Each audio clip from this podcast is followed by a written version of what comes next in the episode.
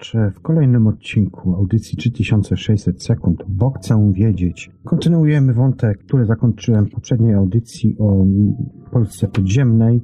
Jako numer 13 sobie tutaj wybrałem kompleks Rise, podziemne miasto Hitlera. Kontynuujmy zatem. Największe górniczo-budowlane przedsięwzięcie nazistów do dziś kryje mnóstwo sekretów. Część z nich zapewne nigdy nie wyjdzie na jaw. W ramach projektu Rise to jest olbrzym, w górach Sowi wydrążono dziesiątki korytarzy, podziemnych bunkrów i potężnych konstrukcji. Zakłada się, że zamierzano tam ukryć połączone sztaby wojsk oraz całą produkcję przemysłową III Rzeszy. Na wypadek ataku cały ten kompleks, docelowo samowystarczalny, wyposażony w infrastrukturę drogową, wodociągi, kanalizację, prąd i telefony, miał zostać całkowicie odcięty od świata – ten sposób niemieckie dowództwo chciało przeczekać najgorsze. Siatka tuneli samochodowych i kolejowych łączyła sudeckie serce olbrzyma z głową, a więc zamkiem książąt w Wałbrzychu, który to zamierzano przerobić na nową kwaterę główną Hitlera. Ambitnych planów nie zrealizowano przed końcem wojny. Porzucone, częściowo zawalone korytarze do dziś rozpalają wyobraźnię łowców tajemnic. Niektórzy twierdzą, że naziści ukryli tu swoją cudowną broń, Wunderwaffe. Kolejni jednak sądzą, iż tam należy też poszukiwać zrabowanego poprzez Niemców złota. Jeszcze też inni przekonują, że w górach Sowi powstała pierwsza na świecie bomba atomowa. Jedno jest pewne, olbrzym zazdrośnie szczerze swoich tajemnic. Oczywiście kompleks Raj znajduje się w górach Sowi w województwie dolnośląskim. Numer 14 na mojej liście jest to warszawski labirynt Fort Legionów Cytadeli Warszawskiej. Znajduje się oczywiście w Warszawie, w województwie mazowieckim. Plątaninie korytarza pod warszawską cytadelą łatwo się tutaj zgubić.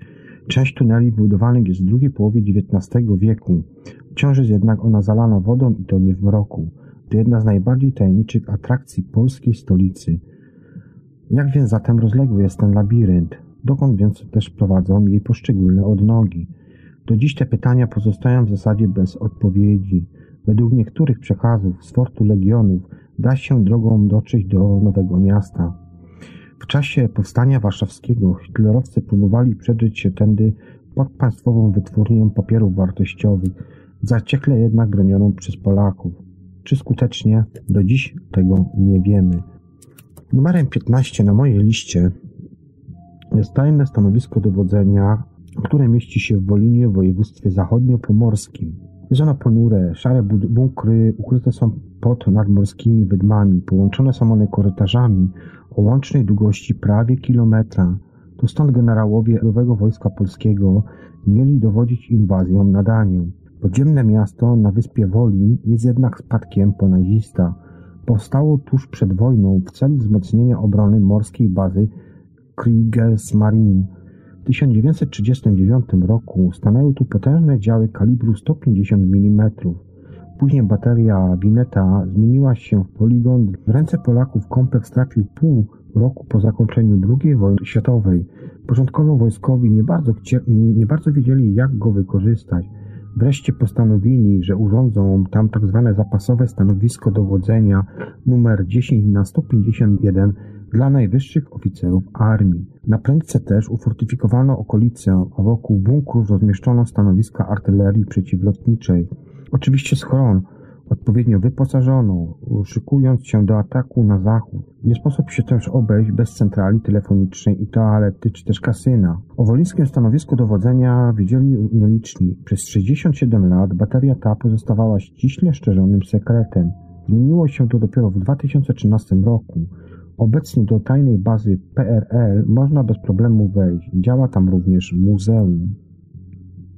No i jeszcze chyba tak, ostatnia już na, dziś, na dzisiaj informacja o podziemiach polskich. Jest to krypta pod kościołem świętego Kazimierza Królewicza, która znajduje się w Krakowie, w województwie Małopolskim. Nazywana jest krainą zmarłych. Dwunastoletnia dziewczynka, żołnierz armii napoleońskich, a może wołyńska szlachcianka, która dla ukochanego uciekła z domu, zakonnik w habicie franciszkańskim z kapturem nasuniętym na głowę, czy też może panna młoda w pięknej sukni, co ich tu właściwie w tym wszystkim tutaj łączy? Wszyscy znaleźli miejsce spoczynku w mrocznej krypcie podziemia krakowskiego kościoła świętego Kazimierza Królewicza. To ich właśnie to łączy.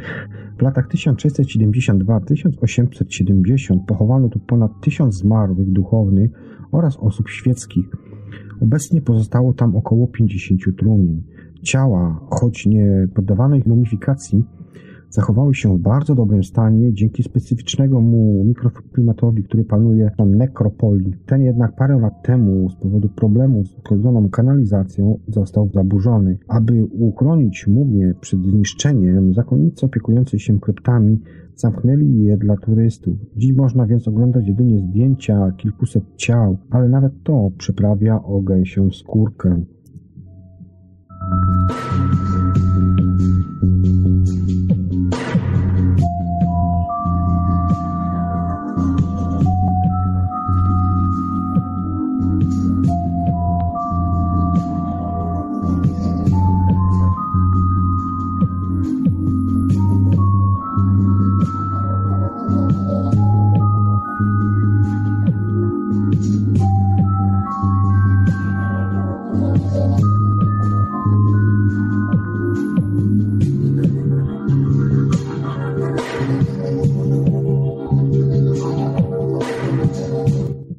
Bardzo chętnie lubimy latać, ale tak naprawdę nie zastanawiamy się nad tym, co w samolotach się znajduje.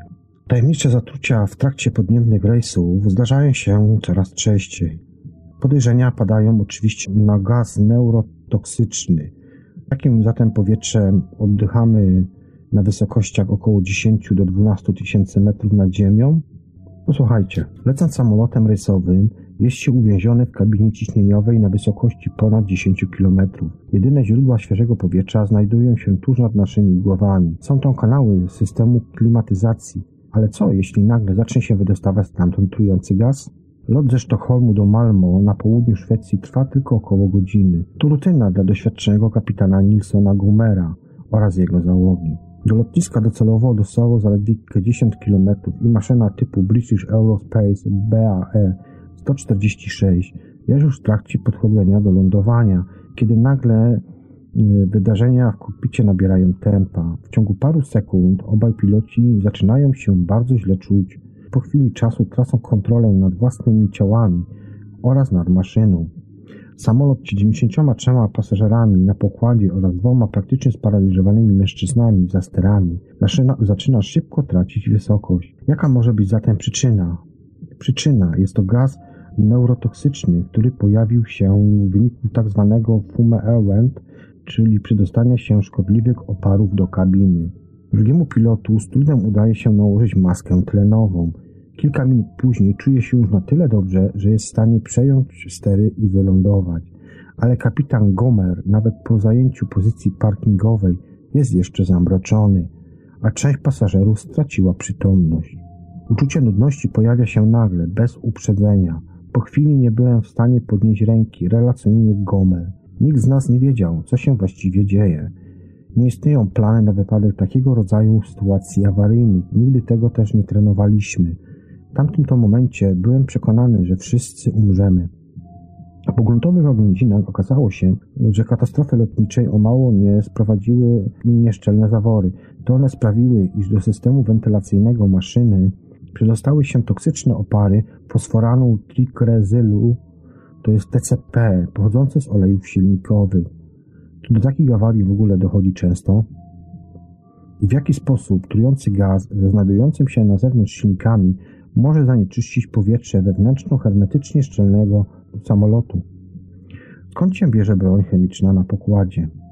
Od feralnego szwedzkiego rojsu upłynęło prawie 18 lat, a sprawa do dziś jest niecałkowicie wyjaśniona.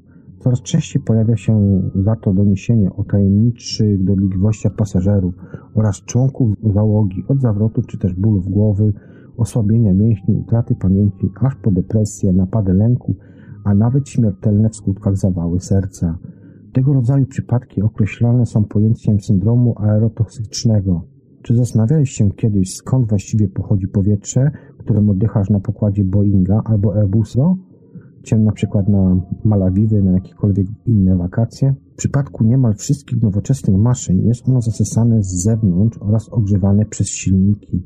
Ten system wentylacyjny, po angielsku nazywa się to bleed air, jest niedrogi i nie wymaga częstej konserwacji. Problem w tym, że turbiny samolotów, podobnie jak zwykle silniki, również potrzebują środka smarującego.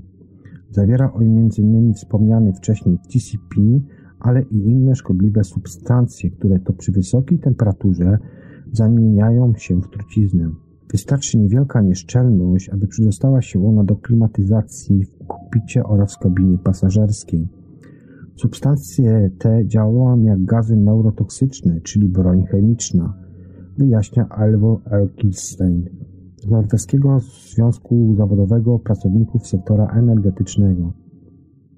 Może ona działać wolno albo nagle, w trakcie jednego feralnego lotu, jak na przykład w przypadku Gomera. Lekarka Estrid Hautelberg z Uniwersytetu w Göttingze od 2014 roku przebadała ponad 100 osób, którym coś takiego się przytrafiło.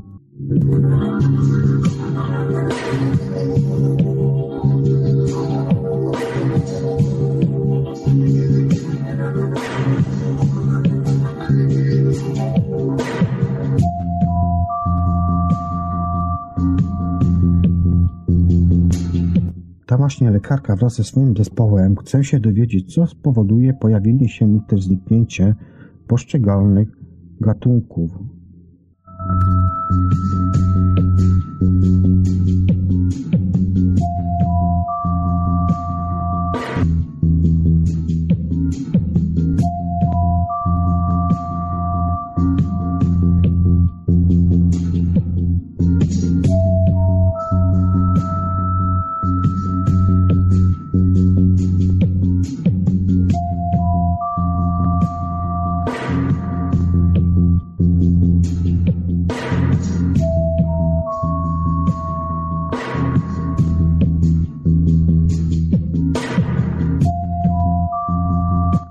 Zaskoczyło nas to, że wiele pokrzywdzonych ma bardzo podobne, rzadko spotykane zespoły objawiowe i to niezależnie od wieku, płci oraz czasu spędzonego w powietrzu. W przypadku pilotów, stewardessa i stewardów takich jak Matt Boss, Richard Westgate oraz Warren Brady, którzy nagle zmarli lub też po szybko postępującej, niezidentyfikowanej chorobie, patolodzy znaleźli cały szereg symptomów świadczących o zatruciu.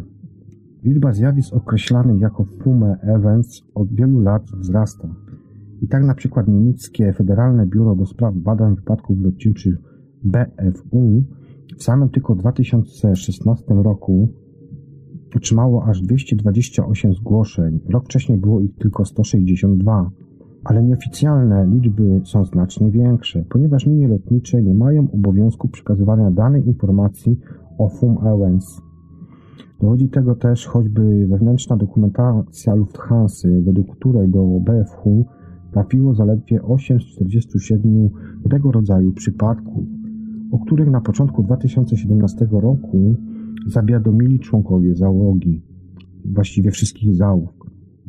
Setki pilotów oraz stewardessy i stewardów na całym świecie, którzy przy, przypuszczają, że ich problemy zdrowotne wynikają z zatrucia chemicznymi oparami, próbuje uzyskać odszkodowania, wytyczając liniom lotniczym albo też producentom samolotów ciągnące się latami procesy. Wygrane w sądach należą do rzadkości, ponieważ problem syndromu aerotoksycznego oficjalnie nie istnieje. W marcu 2017 roku, po przeprowadzeniu 69 lotów testowych, Europejska Agencja Bezpieczeństwa Lotniczego ESA stwierdziła, że powietrze na pokładzie samolotu jest tak samo dobre jak w budynkach użyteczności publicznej, np. w przedszkolach. Nie ma też więc powodu, aby cokolwiek zmieniać w. Tak twierdził Luch Dytgat, szef bezpieczeństwa ESA. Ale czy agencja rzeczywiście przeprowadziła wystarczająco dużo testów? Wewnętrzne dokumenty Lufthansa mówią, że jeden Fum Owens przypada na 2000 lotów. Biorąc pod uwagę, że na świecie odbywa się 40 milionów lotów rocznie, każdego dnia ma miejsce 55 takich toksycznych incydentów. Gdy w przypadku procesów zawierane są mm, porozumienia pomiędzy poszkodowanymi a liniami lotniczymi, często dzieje się to potajemnie, pozasądowo i z zachowaniem klauzuli poufności. Gdyby bowiem branża publiczna przyznała, że problem istnieje, niemal cała flota, która liczy obecnie około 23,5 tysiąca liniowych maszyn pasażerskich, musiałaby zostać poddana modernizacji. Zdaniem byłej pilot Susan Michels jest to nieuniknione, ponieważ ten błąd konstrukcyjnie istnieje od 50 lat minionego stulecia i to w sektorze, który tak bardzo chwali się dbaniem o bezpieczeństwo. Niektóre firmy już od dawna po cichu pracują nad odpowiednimi rozwiązaniami. Lufthansa na przykład używa po części nowotechnologicznych filtrów. Boeing w modelu 787 zrezygnował zaś z tradycyjnego systemu Blade Air, przyznając w dokumentach wewnętrznych, że wyeliminowane zostało m.in. ryzyko dostania się oparów olejowych do kabiny. Mimo to oficjalnie podkreśla, że wszystko Wszystkie starsze modele z tradycyjnym systemem wentylacyjnym oczywiście także funkcjonują bez zarzutów i dostarczają czyste powietrze. Zatem czy branża lotnicza igra z życiem pracowników i pasażerów? Kapitan samolotu Nielsen Gomer nie ma wątpliwości. Zacytujmy go. Gdyby toksyny obezwładniły nas, gdy byliśmy bliżej Ziemi, skutki byłyby znacznie bardziej dramatyczne. Samolot nie byłby w stanie samodzielnie wylądować.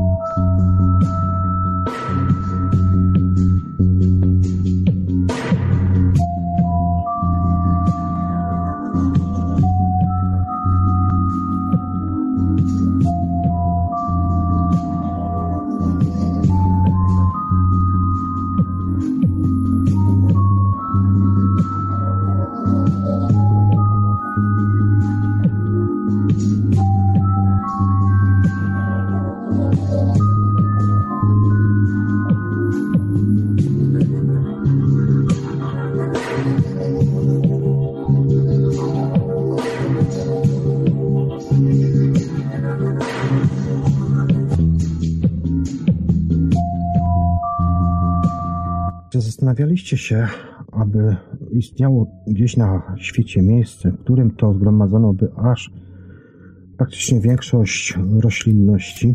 Jeżeli nie, to posłuchajcie. Projekt taki nazywa się Ekotron. Jest to unikatowy w skali światowej projekt badawczy, który pozwala naukowcom na stworzenie 96 równoległych światów jednocześnie.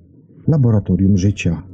Symulator światów warty jest 16 milionów złotych. Instalacja jest podzielona na 24 jednostki, tzw. Tak eco-units, których to biolodzy dzięki najnowocześniejszym technologiom mogą otworzyć różne ekosystemy, np. łąkę z chrzęszczami lub też bez nich oraz obserwować reakcje na zmieniające się czynniki zewnętrzne, takie jak np. światło, temperaturę, opady, pestycydy, ataki szkodników itd. itd. Każdy nowy eksperyment zaczyna się od godziny zero. W tej fazie wnętrza komór przypominają pustynię. Punktem wyjścia jest dla nas tutaj martwy las, który składamy na powrót całość niczym wielkie puzzle. Wyjaśnia to oczywiście to kierownik Ekotronu Nico Eisenhower z niemieckiego Centrum Zintegrowanych Badań nad Bioróżnorodnością. Dotyczy także serii doświadczeń, w których to symulowany będzie scenariusz inwazji dżdżownic na amerykański las topolowy. Na ich potrzeby w komorach rozłożono warstwę gleby z Kanady, którą następnie wysterylizowano parownicami, y, wytwarzana jest poprzez nie para wodna o temperaturze 100 stopni Celsjusza, która zabija wszystkie, nawet najmniejsze organizmy. Dopiero potem badawcze zaczynają stopniowo wprowadzać do tego sztucznego środowiska mieszkańców ekosystemu. W tym wypadku jest to osik oraz topola balsamiczna. To są skoczko gąki oraz larwy motyly. W połowie komór dodatkowo znalazły się też dżownice. Naukowcy chcą zaobserwować wzajemne oddziaływanie pomiędzy roślinami, zwierzętami a mikroorganizmami, by lepiej zrozumieć, jak zmienia się natura, gdy określone gatunki pojawią się nagle w ekosystemie lub też całkowicie znikną z jej powierzchni. 96 światów. W tym całym laboratorium znajduje się 96 różnych światów na 58 metrach kwadratowych. Każda jednostka EcoUnit ma wymiary od 1,55 metra na 1,55 metra w poziomie oraz 3,2 metra w pionie. Można ją podzielić na cztery niezależne ekosystemy za pomocą naziemnych ścianek działowych i planie zostały stworzone specjalnie na potrzeby tego właśnie projektu. Jedna taka mikroszklarnia kosztuje około 430 tysięcy złotych. Również 22 tony ziemi oraz mnóstwo zaawansowanej technologii zostało tutaj zaakumulowane na potrzeby tych wszystkich eksperymentów. Na potrzeby aktualnie rozpoczynające się eksperymentu z drzewa z 12 ekounitach zostały umieszczone metalowe kubły, które są wypełnione ziemią oraz dwa gatunki topoli. W nadchodzących miesiącach w tym takim eksperymencie Najnowocześniejsze czujniki oraz skenery będą rejestrować wszystko, co dzieje się w ekosystemie. Na suficie komory znajdują się diody LED z kanałami emisji bieli, ultrafioletu, błękitu i czerwieni. Umożliwiają one realistyczną symulację światła dziennego, pół roku oraz zachmurzenia.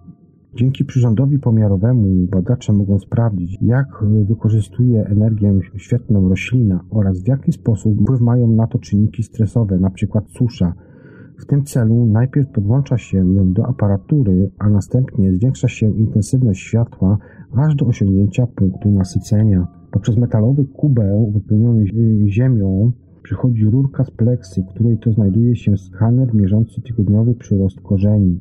Poza tym specjalne czujniki sprawdzają temperaturę, ciśnienie wody oraz wilgotność gleby na trzech głębokościach pilotażowym eksperymencie naukowcy od, od, odtworzyli łąkę w miniaturze. W tym też celu w 12, w 12 komorach zasadzili m.in. stokrotki, kłosówkę i chabry łąkowe, po czym przydzielili im do towarzystwa mszyce, a następnie poddali zmieniającym się warunkom klimatycznym. W pozostałych 12 komorach powstał niemal taki sam ekosystem, że tam, że tam na mszyce mogą polować dwa gatunki biedronek rozmieszczone w różnym zagęszczeniu. Seria badań ma dostarczyć informacji nie tylko na temat tego, jak ważne dla stabilności ekosystemu są relacje drapieżnik-ofiara, ale także jak oddziaływują one na zbiorowiska mikroorganizmów oraz obieg substancji odżywczych w glebie i jakie też siły obronne można zmobilizow- może zmobilizować łąka przeciwko zjadającym się owadom. Dokładnie 48 kamer 360-stopniowych, czyli dwie na jednostkę, dokumentuje wzrost roślin oraz zachowanie owadów przez całą dobę z uwzględnieniem wszystkich ogniw łańcucha pokarmowego. Dane pójdą do potężnego komputera, do którego to dostęp mają instytuty badawcze.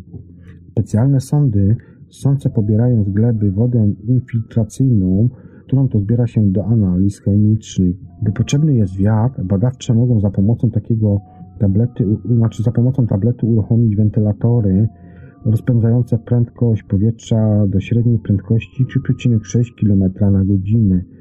Niezbędne opady atmosferyczne zapewniane są poprzez sterowanie komputerowo precyzyjnie, gdyż Około 400 lat temu europejscy osadnicy pod pokładami swoich statków przywieźli do Nowego Świata pasażerki na gapę. Były to oczywiście Lumbricuta terrestris, lepiej też znane jako żdżownice ziemne. Od czasu ostatniego zlodowacenia pierścienice te prawie zupełnie zniknęły z Ameryki Północnej.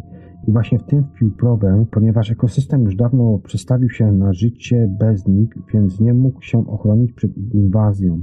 Drzewnice rozpoczęły przeczesywanie gleby w tempie około 5 metrów rocznie, zmieniając przy tym jej wilgotność oraz zawartość substancji odżywczych. Gatunek, który jest ważny dla utrzymania w dobrym stanie ekosystemu w Europie, okazał się szkodnikiem na innym kontynencie. Biologiczna różnorodność zmalała na niektórych obszarach o ponad 80%. Co utrzymuje zatem las przy życiu? Jak funkcjonuje łąka? Co się dzieje, gdy z powierzchni Ziemi znika jeden gatunek zwierząt lub rośliny? Te wszystkie pytania wydają się proste, ale wciąż nie znaleziono na nie zadowalających naprawdę, tak naprawdę odpowiedzi. A więc dlaczego? Dlatego, ponieważ ekosystem można było badać wyrobkowo, nie dało się jednak obserwować całodobowo, niczym pacjenta podpiętego do aparatury medycznej. Przynajmniej do tej pory tak to wyglądało. Teraz jednak bowiem projekt Ecotron pozwala przenieść właśnie taki las do laboratorium. To wprawdzie rewolucja w nauce o środowisku. Stacja Ecotron, która kosztowała w przeliczeniu około 16 milionów złotych i została uroczyście otwarta w maju 2017 roku, pozwala nam po prostu na badanie właśnie tych wszystkich zależności. Wszystkie ekounity są identycznie zbudowane oraz wyposażone w najnowsze technologie pozwalające na regulowanie światła, temperatury czy też opadów. Wykluczone są natomiast czynniki losowe, takie jak przykład oberwanie chmury czy też niespodziewany atak szkodników, który mógłby zafałszować wyniki. W EcoUnits możemy w warunkach laboratoryjnych kręcić każdym pokrętem ekosystemu. Tylko w ten sposób jesteśmy w stanie po raz pierwszy całościowo zbadać wzajemne oddziaływania pomiędzy zwierzętami, roślinami a mikroorganizmami żyjącymi na powierzchni Ziemi oraz w niej. Tak wyjaśnia Nico Eisenhower, kierownik obiektu. Ten ekolog oraz gleboznawca od lat analizuje przypadki inwazji biologicznej, takie jak wymieranie topoli, spowodowane plagą żdżownic w Ameryce, w Ameryce Północnej. Wraz z zespołem chce się on dowiedzieć, co spowoduje pojawienie się lub zniknięcie poszczególnych gatunków. Czy zatem inne organizmy mogą przejąć im funkcję? Jakie straty wtedy zniesie ekosystem? By odpowiedzieć na te wszystkie pytania, trzeba zrealizować odpowiednie scenariusze, a Ekotron oferuje ku temu idealne warunki. Pojawienie się coraz oraz zanikanie gatunków nie jest według Eisenhowera niczym nowym ani złym, to po prostu część ewolucji. Wszystko zależy jednak od impetu i tempa zmian, wyjaśnia. Eksperci szacują, że zwierzęta oraz rośliny wymierają obecnie nawet tysiąc razy szybciej niż, epoce, niż przed epoką y, przemysłową. Przypomnijmy zatem, że w Polsce uznaje się, y, się za w jakimś stopniu zagrożone około 2800 gatunków zwierząt oraz ponad 3000 roślin i grzybów. W niektórych regionach można spotkać obecnie około 80% mniej owadów niż jeszcze 30 lat temu. Mówi się wręcz o fenomenie przedniej szyby. To jest wcześniej, to jest w takim fenomenie, który mniej więcej um, opisuje mniej więcej taką zależność jak na to, że na przykład wcześniej w trakcie jazdy samochodem trzeba było regu regularnie robić postój, żeby oczyścić ją z martwych insektów. Dziś coraz rzadziej jest to już konieczne. Według ekspertów szczególnie ważne jest w obliczu wymierania gatunków zrozumienie wzajemnych oddziaływań pomiędzy mieszkańcami danego ekosystemu. Dlatego w ramach pierwszego eksperymentu w Ekotronie symulowano łąkę wyposażoną w system drapieżnika ofiary, w tym przypadku mszczycy oraz biedronki, oraz drugą pozbawioną tej zależności. Celem było zbadanie, jak rośliny chronią się przed atakiem owadów i czy wykorzystują w tym celu grzyby obecne w systemie korzeniowym.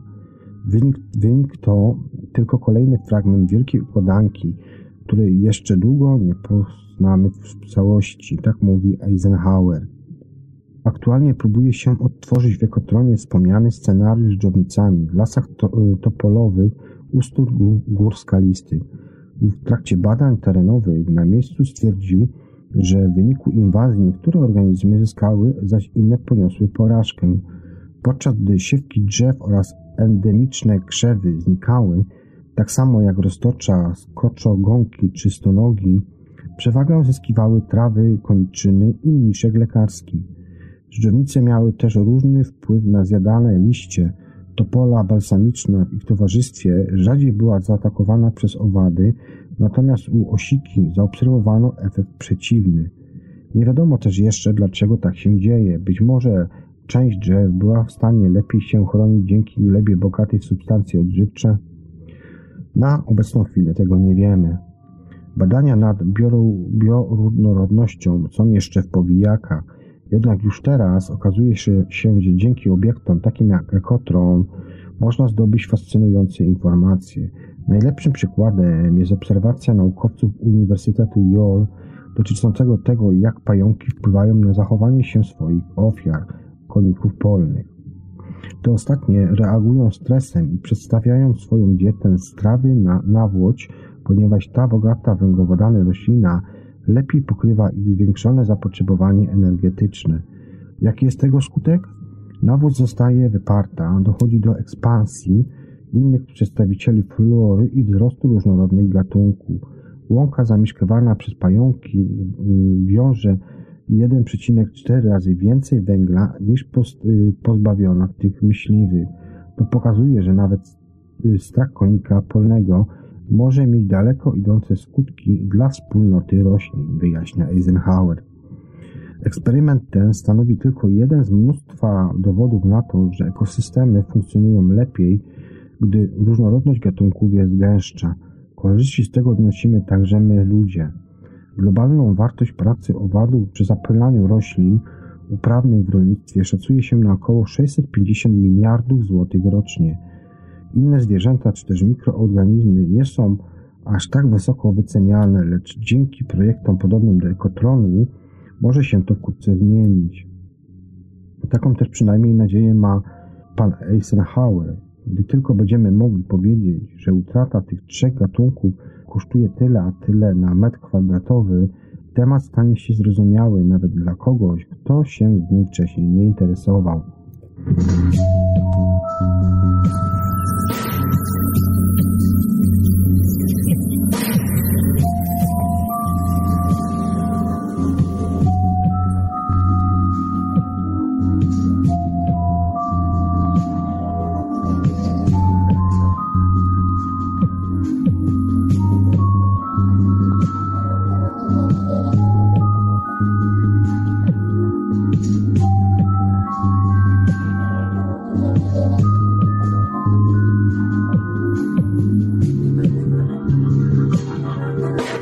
Wystarczy tylko 80 zł, aby ukraść luksusowy samochód. Jak? To posłuchajcie. Bezkluczykowe otwieranie samochodu jest bardzo wygodne, ale już w 2011 roku eksperci pokazali, że także jest to niebezpieczne. Wtedy jednak do niepozostawiającego śladu włamania potrzebny był sprzęt za kilka tysięcy dolarów oraz odpowiednia wiedza. Dziś wystarczy kupić w Chinach dwa urządzenia HEX-K za około 40 zł każde, czyli 80 zł całość. Jak przebiega taki atak? Jedna osoba z uruchomionym hack key, który mieści się w kieszeni, podchodzi do auta i pociąga za klamkę. W tym momencie komputer w pojeździe wysyła zakodowany sygnał do kluczyka. Tego wprawdzie nie ma w pobliżu, ale Key przekazuje tę wiadomość dalej do drugiego modułu. Jeżeli trzymający go przestępca znajdzie się niedaleko właściciela, Kluczyk taki odpowiada, Headkey przesyła informacje z powrotem gotowe. Drzwi zostają otwarte. Druga taka wymiana następuje przy uruchomieniu silnika. Jak się przed tym zabezpieczyć? Na razie można jedynie trzymać kluczyk w specjalnym etui lub też kupić samochód bez takiej opcji.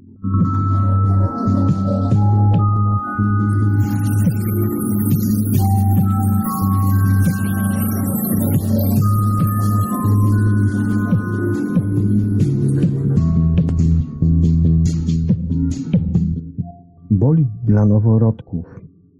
Technologie rodem z Formuły 1 trafiają właśnie do służb ratowniczych w Wielkiej Brytanii. Nie chodzi jednak wcale o karetki, a znajdujące się w nim inkubatory do przewozu noworodków. Nowy model nazwany Baby Pod 20 zaprojektowali inżynierowie z Williamsa. Dzięki wykorzystaniu włókien węglowych waży on zaledwie 10 kg, a mimo to zapewnia bezpieczeństwo nawet w przypadku zderzenia, podczas którego na dziecko działają przeciążenia rzędu 20G. Baby pod 20 absorbuje również drgania i chroni przed hałasem.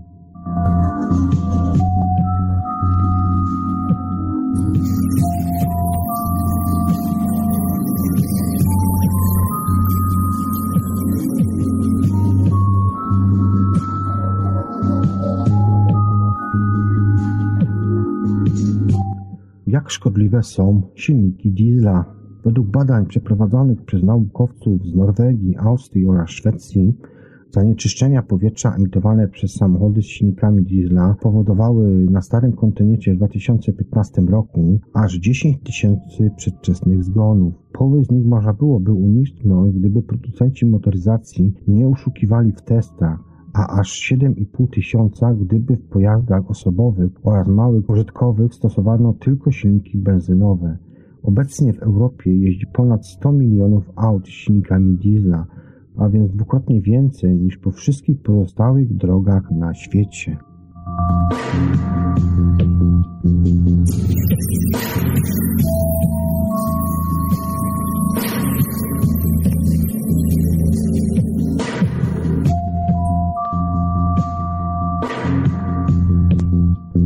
Pasy 3D. Były one już malowane w Indiach czy też Nowej Zelandii. Teraz pasy dla pieszych sprawiające wrażenie trójwymiarowych pojawiły się na Islandii, w miasteczku Istafjordu. Ale choć z punktu widzenia kierowcy wyglądały one jakby unosiły się tu nad, nad ulicą, jakby unosiły się po prostu nad tą ulicą takie betonowe kloce. W rzeczywistości tylko złudzenie optyczne, bo nowe pasy są całkiem płaskie. Chodzi jednak nie tylko o zniszczenie pojazdów, ale o sprawienie, by kierowcy zwolnili, co poprawi bezpieczeństwo pieszych i rowerzystów przekraczających drogę. Takie również możecie sobie pasy oglądać na YouTube, które są ogólnie dostępne.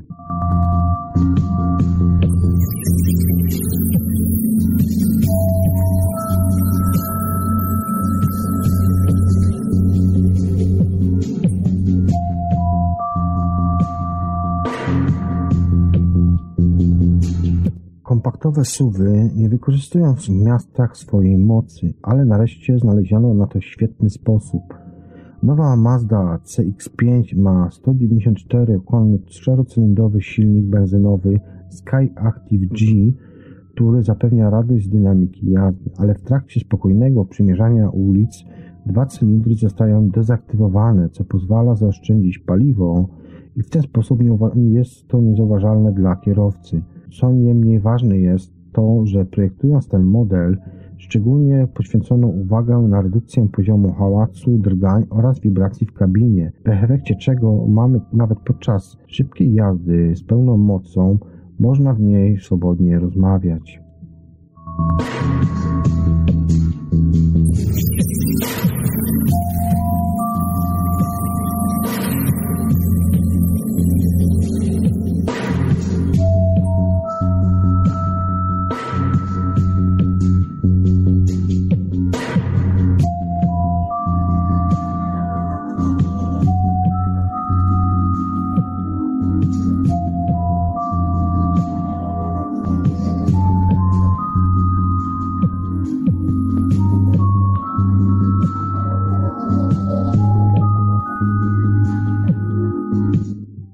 Niezbadany mózg. W ostatnich latach zyskaliśmy przeświadczenie, że ludzki mózg jest już dobrze poznanym obszarem. To jednak jest nieprawda. Sprawdzamy, ile białych plam może jeszcze znaleźć się na jego mapie. I dlaczego przedstawiciele neurobiologii to być może najważniejsi odkrywcy XXI wieku.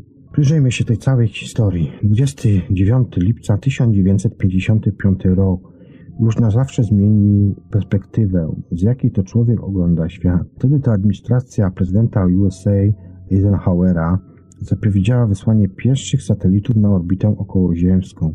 Cztery dni później przedstawiciele Związku Radzieckiego złożyli podobną obietnicę. Był to początek największej z dotychczasowych wypraw odkrywczych w dziejach ludzkości i tak, i tak, tak zwany start tak zwanych Space Race, czyli kosmicznego wyścigu pomiędzy Stanami Zjednoczonymi a Związkiem Radzieckim w drodze na Księżyc.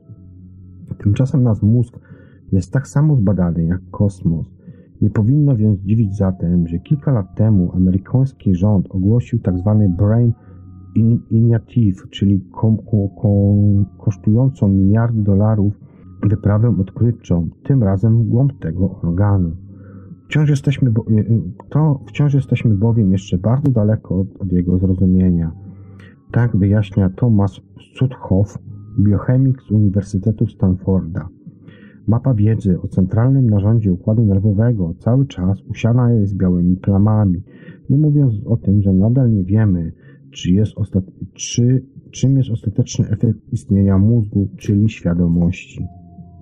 Tworzenie mapy wszechświata, nieznanego wszechświata. Kora mózgu.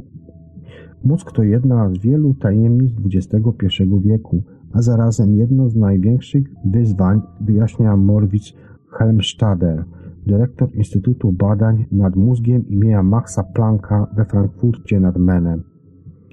Ten 39-letni doktor fizyki oraz lekarz należy do nowego pokolenia odkrywców, który zajmuje się eksploatacją niezwykłych zakątków centrali układu nerwowego.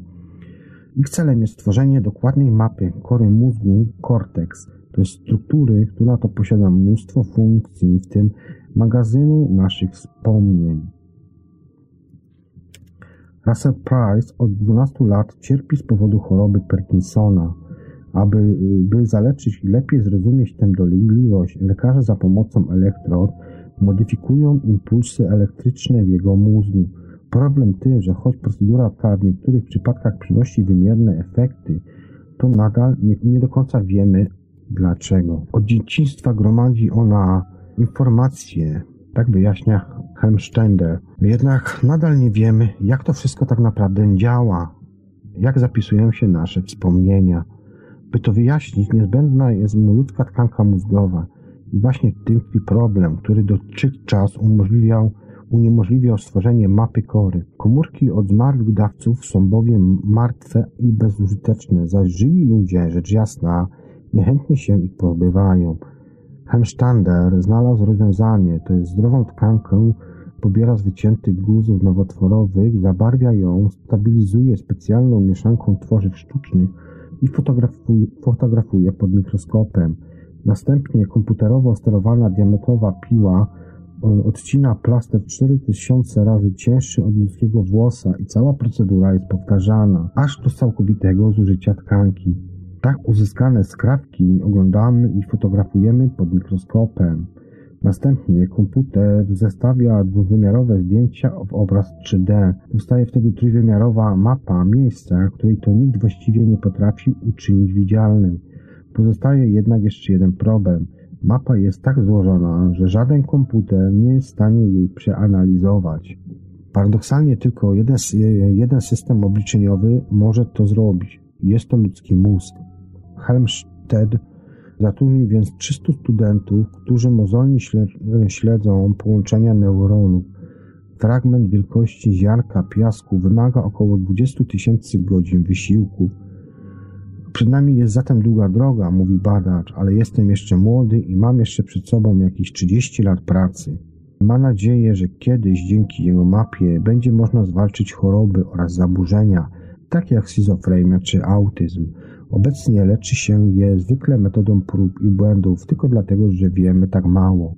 Może sekret tkwi tak naprawdę w impulsach elektrycznych, które są sekretnym językiem mózgu? Dziś opowiem tu o tym, jak możemy ustawić pokrętła w, y, w sieciach mózgu, aby uzdrawiać ludzi, zapowiada Andres Lozano, profesor neurochirurgii na Uniwersytecie w Toronto. Ma tu na myśli głęboką stymulację mózgu, czyli metodę, polegającą na manipulowaniu impulsami elektrycznymi w celu wywierania wpływu na choroby mózgu. Bo prąd to język naszego układu nerwowego.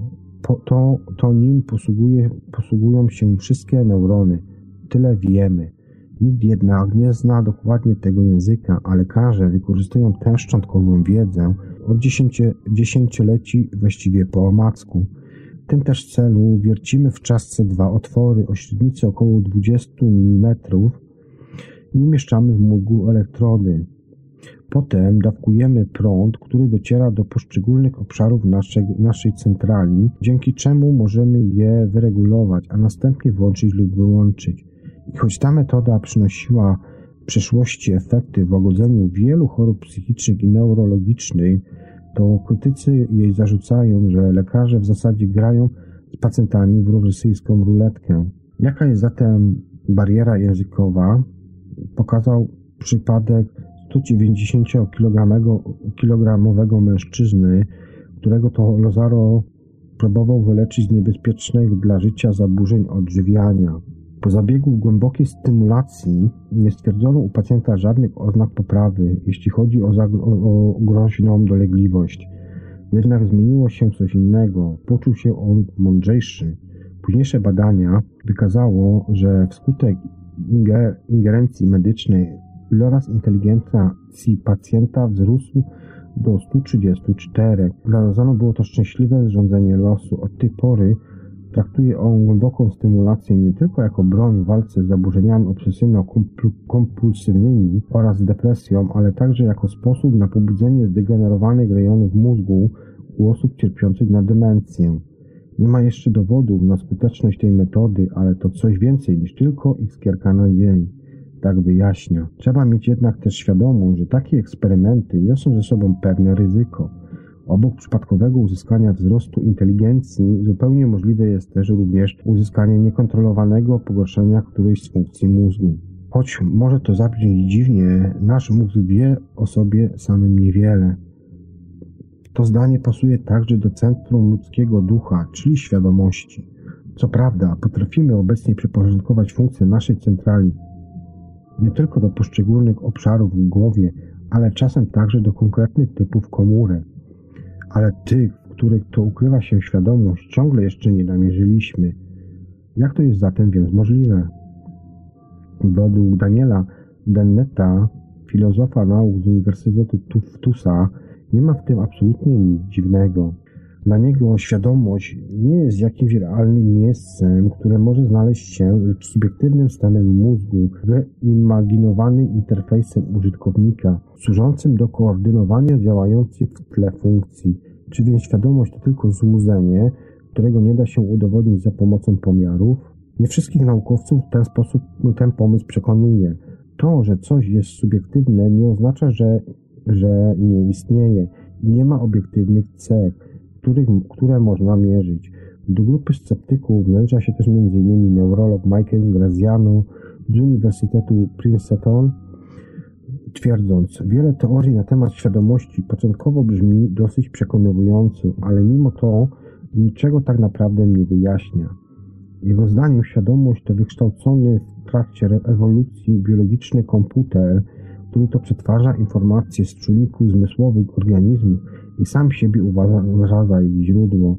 Ma on działać na zasadzie podwójnego lustra. Najpierw mózg nauczy się obserwować innych ludzi i wczuwać w osobę obserwowaną, a potem to zaczął on analizować samego siebie, wyko wykorzystując daną czynność. Jeśli takie wyjaśnienie fenomenu świadomości wydaje się zbyt abstrakcyjne i niewystarczające, nie jesteś w tym, w tym osamotniony. Większość badaczy problemu zgadza się, że wszystkie obecne teorie jedynie zbliżają nas do odpowiedzi, ale jej nie przedstawiają w ostatecznej formie.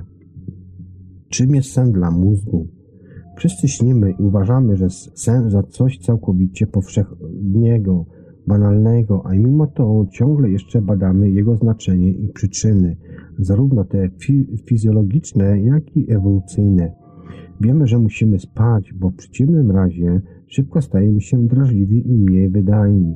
Brak snu, co wykazał kontrowersyjny eksperyment na szczurach przeprowadzany przez Alana Retschhaffena z Uniwersytetu w Chicago, może nawet skutkować śmiercią i to szybciej niż brak pożywienia. Dlaczego więc ewolucja stwierdziła, że w tym stanie pozornie braku, pozornego braku aktywności musimy spędzać aż jedną trzecią naszego życia? Poszukiwanie wyjaśnienia dla snu można porównywać do polowania na mistycznego ptaka Feniksa. Tak Jara Cirelli z Uniwersytetu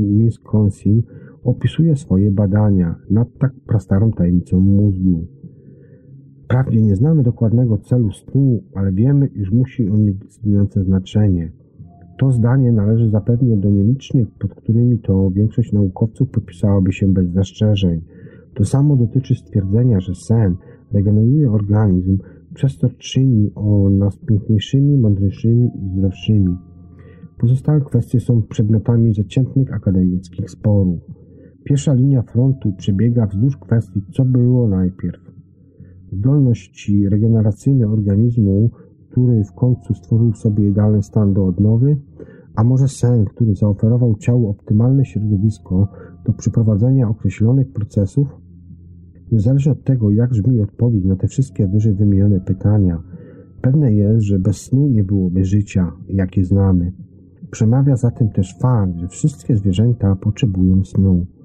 Nawet muszki owocówki idą spać, gdy się zmęczą i tak jak ludzie spowalniają wtedy oddech, przemianę materii oraz obniżają temperaturę ciała. A jak wygląda to z ssakami? Człowiek potrzebuje około 7,5 godziny dziennie, szympansy prawie 10, owce tylko 4, a słonie 3, żyrafy zaledwie 2, a kaszaloty około 1,5. Ciekawe rozwiązanie tego problemu stosuje większość waleni, np. delfiny, które to wprawdzie śpią, ale tylko jedną półkulą mózgu. Przeciwległe oko pozostaje otwarte. Ssaki muszą regularnie wypływać na powierzchnię w celu zaczerpnięcia powietrza. Mają więc sytuację na oku, żeby nie przespać tego ważnego momentu. Ale jakim cudem udaje im się uśpić tylko jedną połowę mózgu? To pytanie wciąż zdoby listę neuro, neurobiologicznych białych plam. Jeszcze tutaj taki klaska informacji. Czy mózg w nocy śpi? Badania pokazują, że mózg pracuje nawet we śnie. W trakcie marzeń sennych faza REM, to jest ta faza REM, niektóre komórki nerwowe są nawet bardziej aktywne niż podczas czuwania. Szeroko rozpowszechnione przekonanie, że człowiek używa jednego ułamka tylko swojego mózgu jest oczywiście mylne. Zdrowy człowiek wykorzystuje każdą część mózgu i to cały czas. Tak przynajmniej wyjaśnia i twierdzi pan neurolog Barry Gordon. Zmienia to jednak faktu, że zapewne da się również zwiększyć efektywność tego narządu. Czy mamy zatem ukryte supermoce? australijski badaczom, udał, australijskim badaczom udało się za pomocą tzw. Tak tzw. Tak przezczaszkowej stymulacji magnetycznej tak przesunąć naturalne ograniczenia wydajności mózgu, że pamięć tych wszystkich uczestników eksperymentu wyraźnie się poprawiła. Mózg to jedna z, wielu, z wielkich tajemnic XXI wieku, a zatem a zarazem jedno z naszych największych wyzwań. Tak twierdzi dyrektor Instytutu Badań nad Mózgiem imienia Maxa Plancka Moritz Helmstander. I jeszcze tutaj jakaś informacja na koniec. Jak stworzyć mapę mózgu? Aby sporządzić mapę połączeń w, kolorze w korze mózgowej, badacze mozolni odcinają nieobrażalnie cienkie płaty, plastry tkanki, o której tu już wcześniej wspomniałem, każdy z nich barwią przeróżnymi metodami, fotografują, a następnie rekonstruują połączenia sieci neuronowych za pomocą programu komputerowego. Powstają w tym momencie obrazy, które przypominają widoczne yy, dzieła sztuki, które, na przykład, które są stworzone przez neurologa, na przykład takiego jak Grega Duna. Prawdopodobnie wszyscy posiadamy genialne zdolności, trzeba je tylko trenować ja Wam dziś dziękuję już za udział w tej mojej kolejnej audycji 3600 sekund, bo chcę wiedzieć. Posłuchajmy jeszcze utworu do końca i zapraszam Was na kolejną audycję już wkrótce. Hej, hej, cześć. thank you